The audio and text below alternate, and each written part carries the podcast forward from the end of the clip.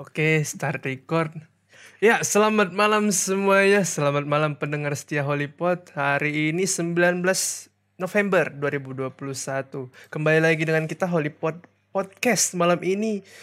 Ya, kita ngelanjutin dari minggu yang kemarin. Episode kalau kemarin itu kan kita tentang episode pengembangan karakter. Nah, kali ini episodenya nggak kalah menarik, yaitu cara memilih lingkungan. Karena kalau misalnya kita bisa memilih lingkungan, kita bisa lebih cepat improve. Nah, dan malam ini seperti biasa saya tidak sendiri karena saya selalu ditemani oleh duo saya yang ter the best di Hollywood. Oke? Iya, Kak Oke. Julpa. Iya, Halo Kak Julpa. Halo semuanya, aku Zulfa Karima Azara di sini akan menemani Bang Adin dalam berpodcast Ya, menemani kalian. Mm, makasih aku udah capek-capek buat Bang Bo dipanggilnya Adin. Ya nggak apa-apa ya Iya. guys. ya. Bang Adin atau Bang Bu. Ah ya nggak apa-apa deh ya. Terima kasih. Iya, kali ini kita akan membahas tentang lingkungan. Sebenarnya apa itu lingkungan? Mari kita mulai dari Kak Julpa. Oke, lingkungan sendiri itu secara definisi ini terutama lingkungan sosial gitu kan, merupakan tempat berlangsungnya aktivitas sehari-hari serta lingkungan sosial juga yang menjadi faktor penentu terhadap perubahan-perubahan perilaku yang terjadi pada suat- setiap individu atau uh, kelompok gitu bang. Kalau menurut bang Adin sendiri gimana nih lingkungan tuh apa gitu definisinya gitu? Ah, Oke, kalau menurut aku lingkungan adalah tempat di mana kita berpijak, eh, bukan berpijak sih, tempat di mana kita hidup. Jadi, misalkan nih, aku hidupnya di Bandung, berarti lingkungan lingkunganku adalah di Bandung. Itu itu konsep paling besarnya. Terus aku kampusnya di A nih. Nah, berarti itu lingkungan aku di A. Kayak ngebuat circle lah gampang ya kalau bahasa anak TK-nya. Jadi, lingkungan Anda adalah circle yang telah Anda pilih. Jadi misalkan lingkungan Anda adalah anak-anak anak-anak pinter, aku pengen sama mereka nih karena mereka pinter, aku bodoh. Jadi aku pengen diajarin mereka, hashtag nyontek gitu. Nah, itu jadi lingkungan aku adalah orang-orang yang pintar supaya aku bisa nyontek. Wow. Itu contohnya.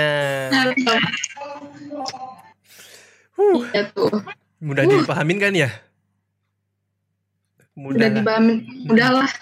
Kalau tukang Itu kan nyontek emang secara definisi itu kan bang. Yoi. Ya, itu kan secara definisi gitu kan, Bang.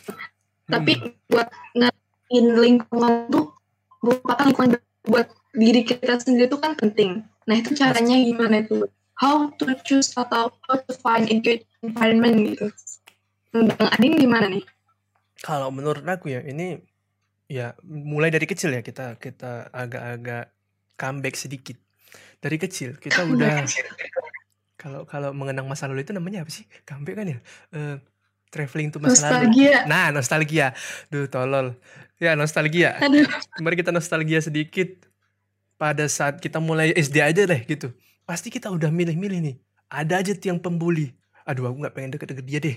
Aku pengen sama yang ini aja. Soalnya sama mereka nih sering main peta umpet. Aku aku dulu kayak gitu. Terus main polisi-polisian. Nah, aku milih teman-teman yang begitu. Nah, jadi dari kecil sebenarnya secara tidak sadar kita udah ngebuat dan ngebentuk dan memilih lingkungan kita sendiri. Lalu, lalu.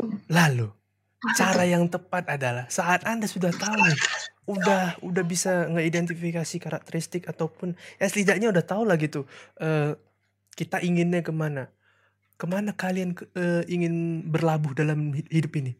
Ke mana kalian ingin menempah tentang eh, kelebihan kalian? Nah di situ tuh itu saat-saat yang tepat untuk membuat lingkungan baru. Ya tapi memang lingkungan lama nggak boleh dilupakan. Nanti nanti diejek gitu ya. Nah, di saat itu kita bisa memilih lingkungan sesuai dengan tujuan kita masing-masing. Jadi nggak ada lingkungan yang jelek kalau kita lihat secara satu tujuan. Misalkan aku nih, uh, aku pengen jadi perampok, terus aku cari uh, lingkungannya ya perampok-perampok handal gitu, bajing-bajing loncat. Nah, menurut aku itu adalah lingkungan yang baik karena aku bisa improve untuk merampok. Nah, tapi di mata orang lain ya memang merampok itu bukan hal yang baik ya guys ya. Kecuali Guys. mencuri hatimu. Enggak, salah. Nah, jadi gitu. Intinya adalah kalau kalian sudah dapat nih, udah dapat time, waktu, timing di mana kalian udah tahu tentang kelebihan. Contohnya, kalian suka di dunia perikanan kayak aku gitu. Nah, coba tuh coba, coba mulai aja gitu cari-cari lingkungan kalian nggak harus lingkungan-lingkungan offline terlebih dahulu bisa kayak online karena kita udah hidup di dunia modern kita bisa cari sesuatu dengan mudah di zaman sekarang kalian bisa nyari di Instagram gitu mulai berkenalan dengan orang-orang itu berkenalan terus e, bercengkrama bertukar informasi itu udah dinamakan Anda sudah membuat lingkungan Anda sendiri bersama orang lain. Begitu.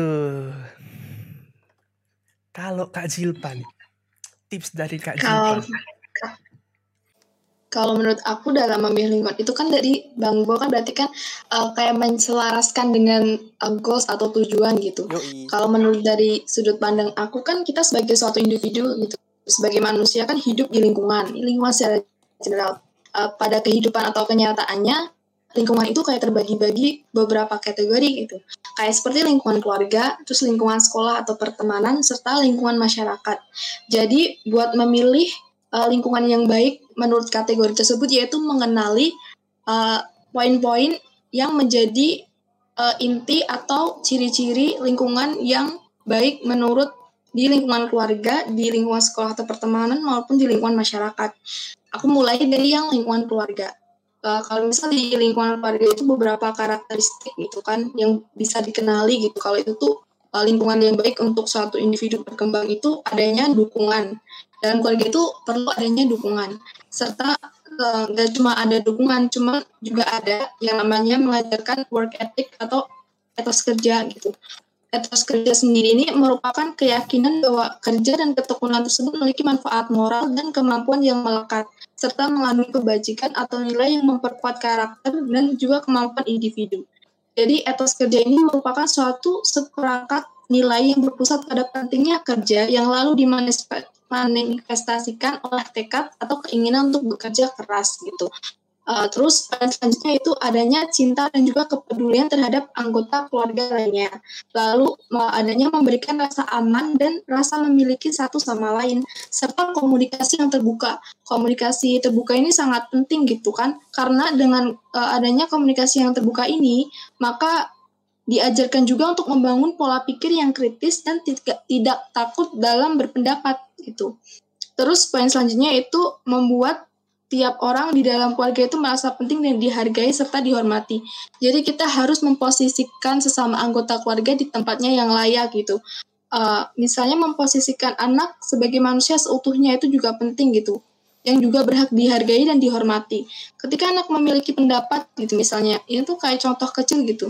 Misal anak punya pendapat, uh, maka anggota lain juga perlu untuk menjadi pendengar gitu karena hal ini akan membangun kemantapan dalam mengambil keputusan dan juga dijauhkan dari rasa ragu dalam bertindak gitu.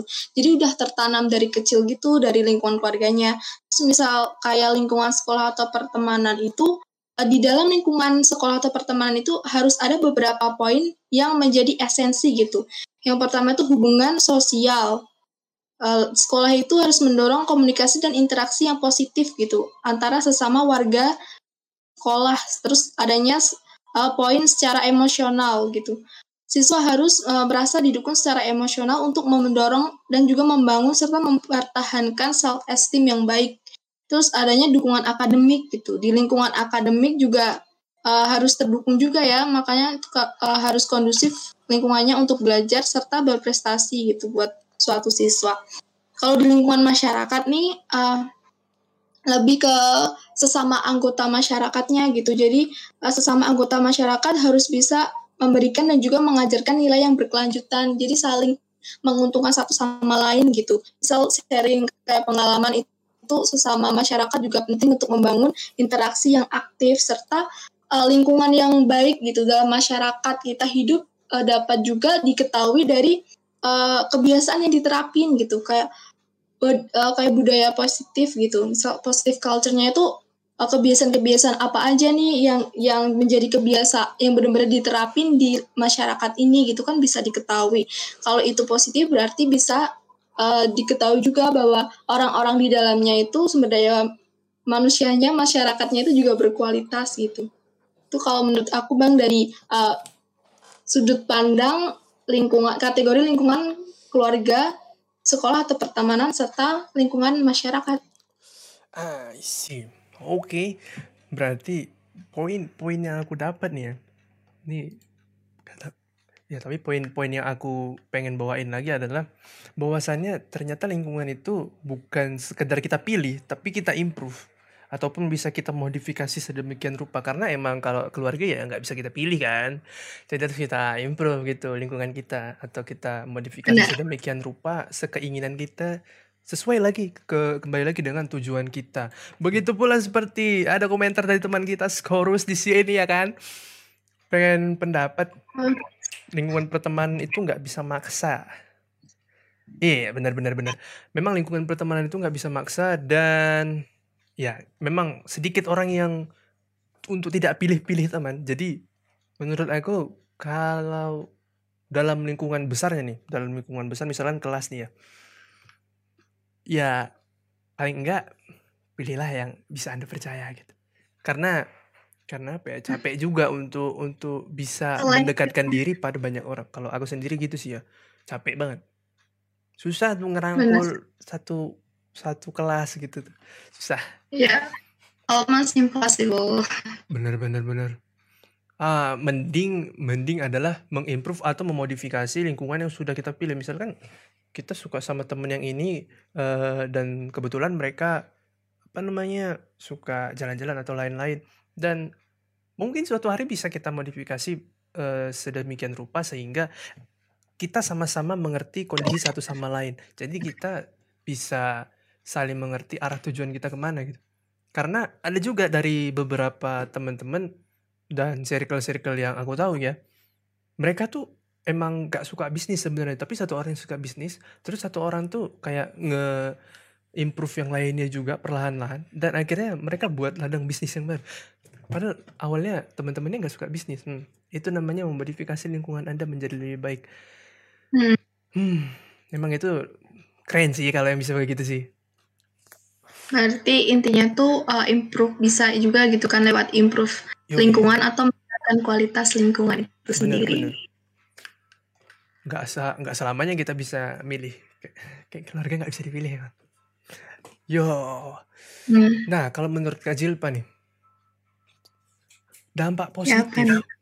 kalau misalkan kita udah milih milih-milih circle atau milih-milih lingkungan kita nih dampak positifnya apa tuh dampak positif paling Dampak besar paling positif. gede Banyak sih, tapi intinya tuh kayak sederhananya tuh kayak kalau misal lingkungan sosial yang baik gitu kan, maka eh, itu juga baik buat kewarasan manusia gitu. Yang mana kewarasan itu akan mempunyai peran penting juga dalam kemantapan pengambilan keputusan mengenai tujuan hidup.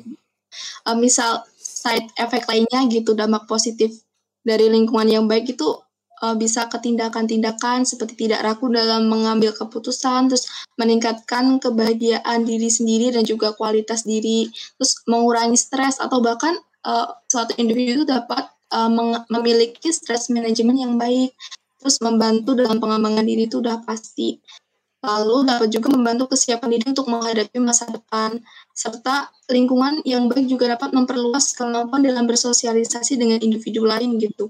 Dengan itu, maka kita jadi tidak takut dalam berpendapat atau meningkatkan kemampuan berkomunikasi. Jadi ya intinya kalau misal lingkungan yang baik, pasti dalam keseharian kita atau perilaku kita pasti ada yang meningkat kualitasnya gitu dari banyak banyaknya aspek-aspek kehidupan. Kalau berarti sangat-sangat berefek kepada jasmani dan rohani kita singkat banget ya. Gitu ya. Karena memang ba- belakangan ini banyak sekali yang kena mental breakdown begitu ya apalagi Oke. soalnya dilihat di Instagram gitu mental breakdown terus posting-postingan yang sedih-sedih. Ya berarti anda di lingkungan yang tidak baik menurut jadi lupakan saja lingkungan itu lalu cari lingkungan yang baru that's okay. Karena emang kalau misalkan udah nggak bisa dimodifikasi lagi tuh lingkungannya ya. tinggalin ya tapi kalau kalau yang nggak bisa ditinggalin contohnya keluarga ya susah ya. Jadi intinya pintar-pintar kalian lah ya modifikasi selagi bisa tinggalkan selagi bisa intinya kebahagiaanmu adalah milikmu seutuhnya kewarasan otakmu adalah milikmu seutuhnya. Jangan kamu itu seperti boneka yang digerak-gerakkan ke sana ke sini, terus senyum-senyum nggak jelas gitu kan. Hmm. Gitu ya guys. Ya. Intinya stay sane guys. Jaga Nah. kewarasan. Yoi. Nah, ada lagi nih satu pertanyaan nih Kak Jilpa nih. Apa nih? Tips-tips untuk mempertahankan lingkungan. Karena misalkan nih aku udah pernah dapat lingkungan yang bagus gitu ya. Terus bukan aku yang pergi tuh dari lingkungan itu tuh, tapi mereka yang pergi gitu tuh. Jadi apakah sebenarnya lingkungan itu sedang saling suportif atau tidak? Kenapa sampai lingkungan itu pecah gitu? Ja- Jadi kita akan membahas tentang tips-tips mempertahankan lingkungan kita yang sudah kita anggap baik lah gitu. Kalau menurut Kak Jilpa Iya. gimana? Kalau menurut aku sih ya kembali lagi gitu kalau udah dapat lingkungan yang bagus eh, pelihara aja poin-poin atau eh, nilai-nilai yang memang udah tahu itu bagus gitu. Jadi di lingkungan itu tetap terbina gitu. Nilai-nilai yang dianggap udah bagus dan penting bisa dipertahankan untuk eh, lingkungan itu tetap menjadi lingkungan yang sehat gitu. Terus juga penting kalau udah nemu eh, lingkungan yang menurutnya bagus gitu perlu juga tetap selektif terhadap eh, dampak-dampak lain gitu yang yang bisa datang di lingkungan itu gitu misalnya uh, set the boundaries aja gitu tetap mempertahankan dan memelihara nilai-nilai yang udah dianggap itu tuh penting dan juga bisa membuat lingkungan itu sehat. Terus juga perlu juga buat selektif. Tetap juga selektif misal ada suatu gangguan atau obstacle atau uh, yang sesuatu yang sifatnya menyerang lingkungan itu dan nggak bagus bisa merusak uh, apa lingkungan atau dapat merusak dan juga ngebuat lingkungan itu nggak sehat lagi ya uh, jangan diterima gitu. Jadi intinya set the boundaries and being selective. Itu bang Keren sekali ya guys ya. Itu quotes malam ini. Set the boundaries and being selective Zilpa 2021 guys. Itu sudah saya kutip malam ini. Iya. Begitulah tipsnya ya guys ya. Jadi intinya adalah kebahagiaan Anda adalah seutuhnya untuk Anda. Enggak, enggak. Yang paling paling gampangnya adalah paling gampangnya adalah eh pakai otak lah. Jangan jangan bodoh-bodoh kali. Jangan mau dibodoh-bodohin orang. gitu. orang Iya, jangan bodoh-bodoh kali. Jangan sampai mau di di diperdaya, dipergunakan, lalu dimanfaatkan. Nah, jangan itu mau jadi boneka bodoh kali ya, nah, kayak gitulah. Aduh. Memang aku sebenarnya nggak boleh bilang bodoh guys, tapi gimana ya? Kalau untuk hmm, masalah kayak gitu nggak bisa guys. Jadi ini circle si- masalah circle circle circle circlean ya. Hmm, ke mana-mana lidah. Kalian harus selektif dan juga mempertahankannya. Ingat, ngobrol guys, ngobrol. Kalau ada apa-apa ya, ngobrol. Jangan malah komunikasi yang terbuka komunikasinya itu malah aku enggak ah, enggak enggak kenapa-napa. Mm Enggak apa-apa. Hmm, Enggak ada hmm, kok. dipendam sendiri Iya. Terus nanti kesal sendiri. Ya, ya salah kau lah gila kali. Kok pengen orang tahu isi hati kau? Heeh. Iya. cerita makanya Cerita makanya jangan emosi kan kita ini lagi di dalam dunia telepati gitu. Enggak, heeh. Iya, dikira bisa baca pikiran dan Iya, kita gitu. bukan The Legend of Aang nih yang bisa masuk ke Aduh. dalam dunia-dunia sama-sama orang-orang zaman dahulu telepati gitu. Enggak, heeh. Ada. Aduh. Ya, gitulah guys pembahasan lingkungan atau circle-circlean kita pada malam hari ini. Kalau ada pertanyaan nanti langsung komen aja di bawah, langsung kita balas-balas nanti ya di komentar kolom komentar. Nanti pasti ada. Oke. Jadi Oke. sekian dari saya Bang Bo malam ini dan teman saya dua terbaik saya. Iya, Sobat Mazara. Oh iya.